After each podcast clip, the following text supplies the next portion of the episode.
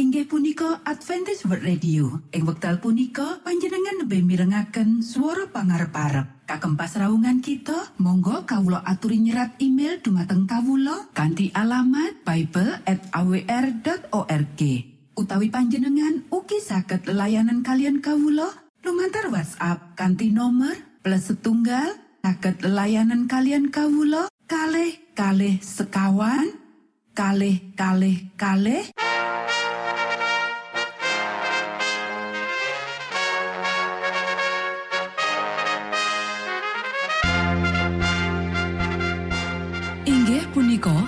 Adventist World Radio ingkang giaran kanti basa Jawi. Tentrem Rahayu Kulo aturaken kagem poro Mitra kinasih ing pundi papan lan panggonan. Sugeng pepanggian malih kalian Adventist World Radio. Kanti bingahing manah Kulo badhe sesarengan kalian poro Mitra kinasih lumantar saperangan adicara ingkang sampun rinonci mligi kagem panjenengan sami. Mugi giaran punika saged migunani tuwin dados berkah kagem kita sedaya. Sugeng midhangetaken Gusti amberkahi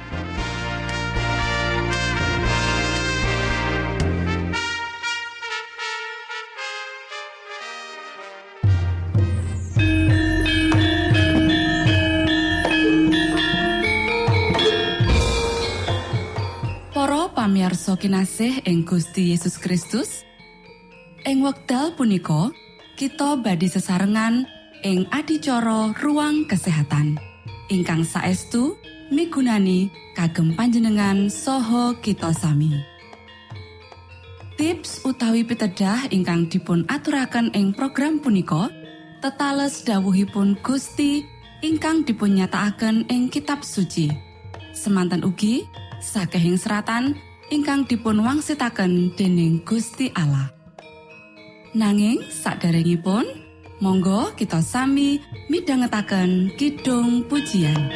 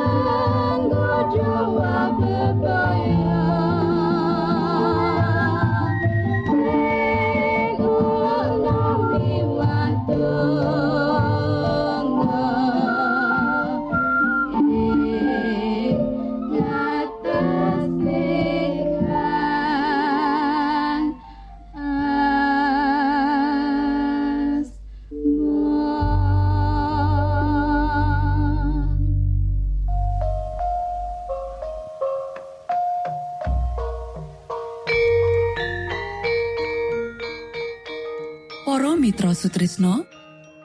Puji syukur dumateng Gusti ingkang murbeng dumati ingkang sampun kepareng paring wewenngan kagem kita.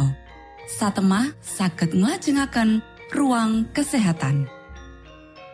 Pirembakan kita semangke kanthi irah-irahan. Sing nekakake kamurkan.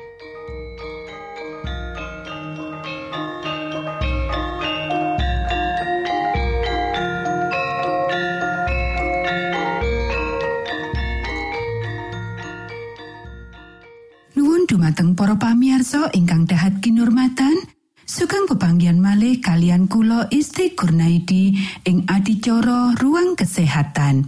Ing dinten punika ganti irah-irahan sing nekakake kamurkan. Para sedherek ingkang kinasih akeh wong sing wis ninggalake panganan daging lan sawetara bahan panganan sing bebayani mikir menawa panganane iku prasaja lan nyehatake Mula dheweke bebas manjakake selera tanpa wates. Dheweke mangan saake-ake kadang kala nganti murka. Iki ya iku sawijining kesalahan. Alat pencernaan kutune ora dipoti kanthi cacah lan mutu panganan sing bakal ngepoti alat pencernaan. Adat pakulinan wis nemtokake menawa panganan sing dipapanake ing dhuwure meja kutune variasi. Amarga ora mangerteni jinis panganan opo sing bakal dilatihake sak banjure, mula wong mangan panganan sing akeh sanajan iku dudu panganan sing cocok kanggo dheweke. Menawa jinis panganan keri dhewe dilatihake, mula dheweke asring nyubong lewati wates, banjur mangan panganan cuci mulut sing mengenake iku sing katone cocok kanggo dheweke. Sekirane kabeh jinis panganan disajikake ing wiwitan, mula wong duwe wewengan kanggo milih sing paling apik kanggo awake. Kadangkala wong langsung rasakake akibat saka mangan panganan sing kakean. Mbok menawa ora ana rasa lara, nanging alat pencernaan kelangan tenaga vitale, banjur landesan kekuatan badan iku uga dikrokoti. Kakian mangan ngepoti alat pencernaan nganti timbul mriyang lan kahanan ora sehat. Cacah getih sing diperlokake ing sakjroning organ weteng nganti sikil lan tangan krasa adem kanthi sikro.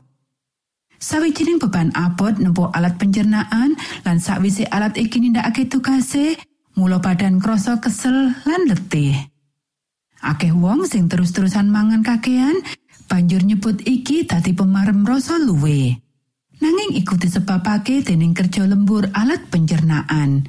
Kadang kala otak krasa lempoh karo linggih mental lan fisik. Para sederek, tondo-tondo sing ora nyenengake iki dirasakake amarga alam wis nglaksanakake tugase kanthi buang tenaga vital nganti wongi babar pisan kentekan tenaga.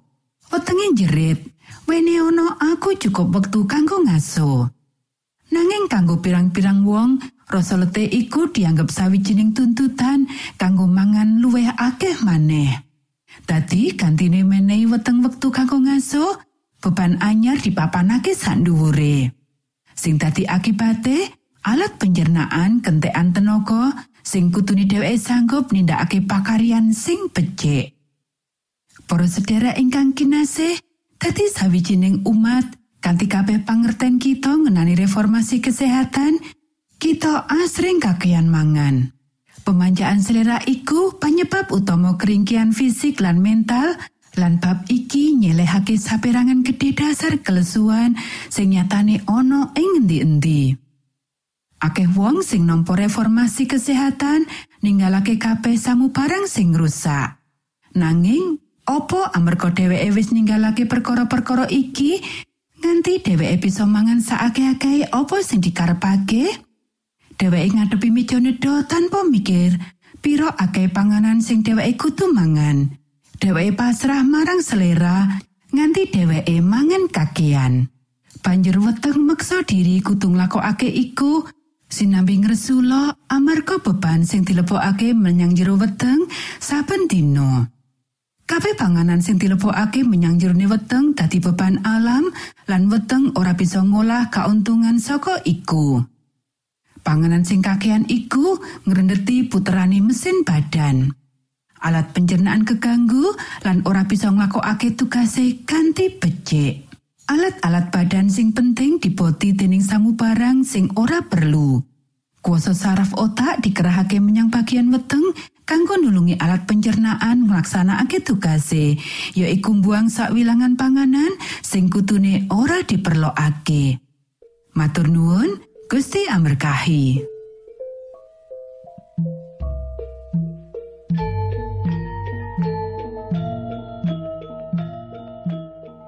Cekap semanten pimbakan ruang kesehatan ing episode dinten punika. Ugi sampun kuatos jalaran kita badhe pinanggih malih ing episode sak lajengipun.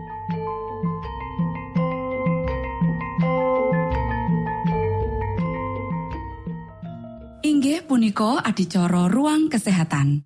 Menawi panjenengan gadah pitakenan utawi ngersaakan katerangan ingkang langkung, Monggo Kulo aturi Kinton email dateng alamat ejcawr@ gmail.com utawi lumantar WhatsApp kanti nomor 025 pitu 00 songo songo papat 00 pitu.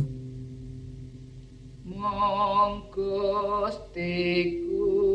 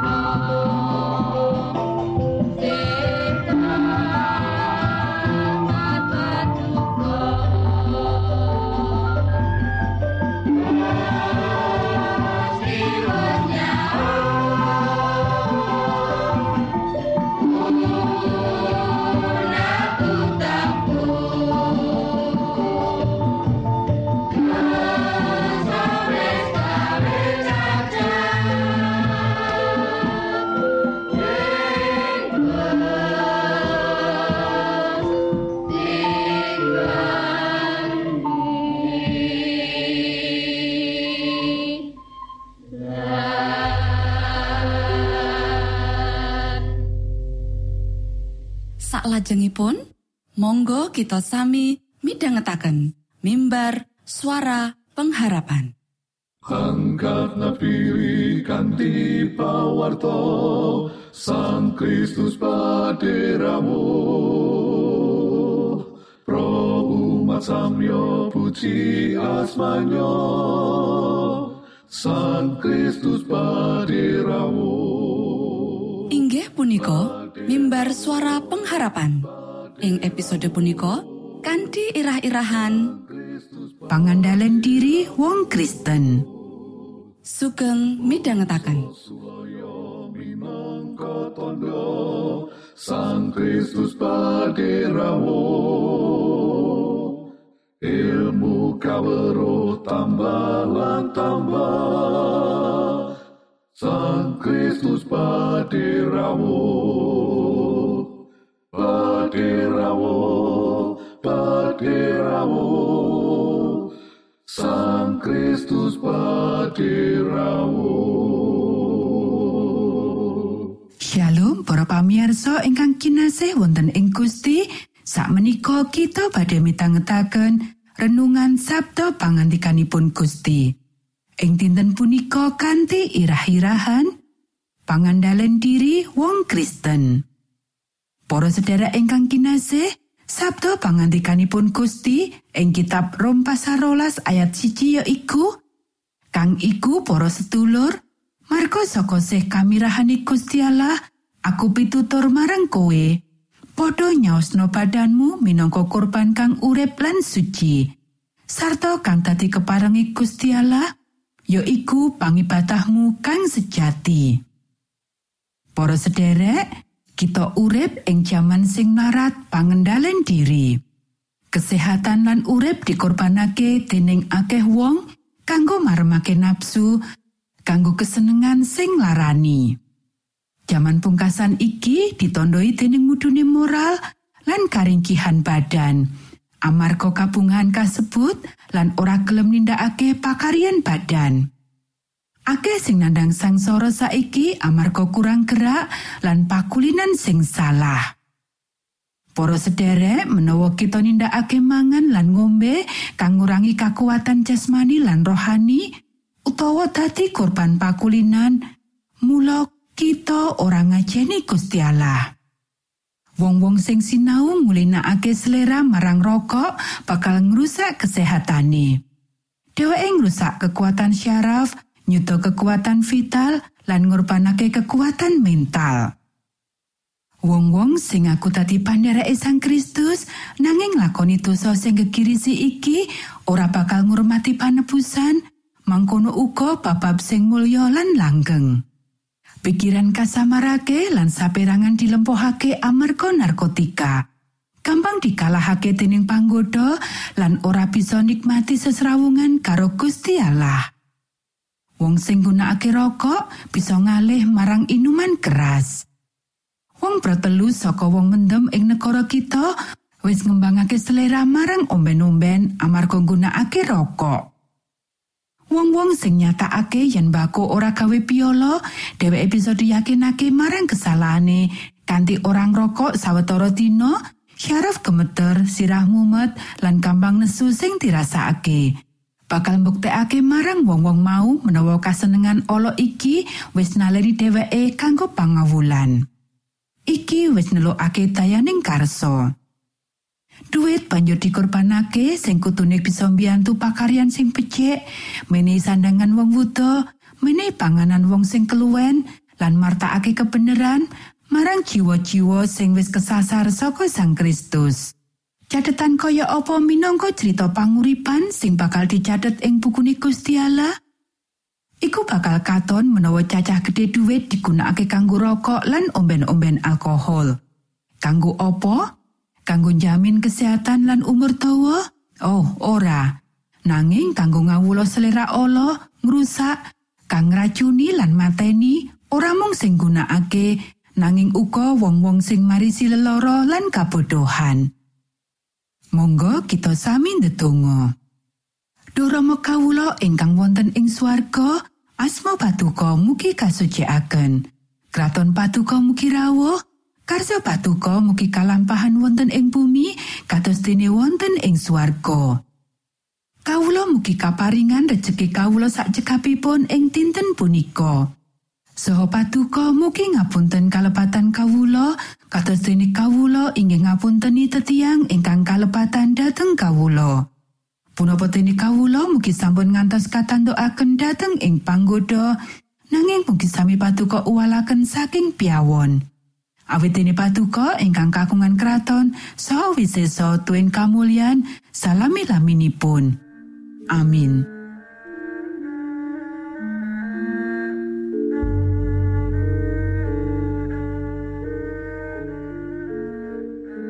Para Mitra Sutrisno pamiarsa kinasih ing Gusti Yesus Kristus sampun paripurno pasamuan kita ing dinten punika menawi panjenengan gadah pitakenan utawi ngersaakan seri pelajaran Alkitab suara nubuatan Monggo Kulo aturi kinton email dateng alamat ejcawr gmail.com utawi lumantar WhatsApp kanti nomor 025 pitu 00 songo songo papat 00 pitu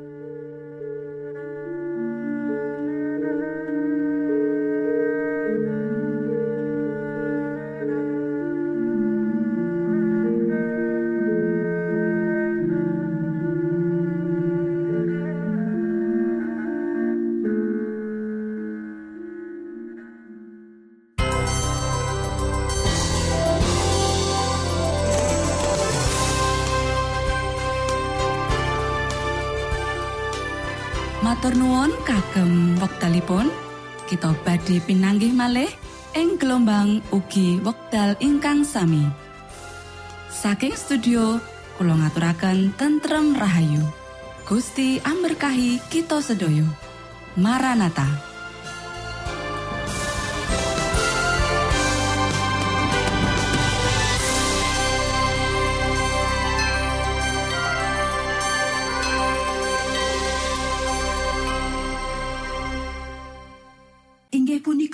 Adventist World Radio. Ing wekdal punika panjenengan lebih mirengaken suara pangarep-arep. Kagem pasraungan kita, monggo kawula aturi nyerat email dumateng kawula kanthi alamat bible@awr.org.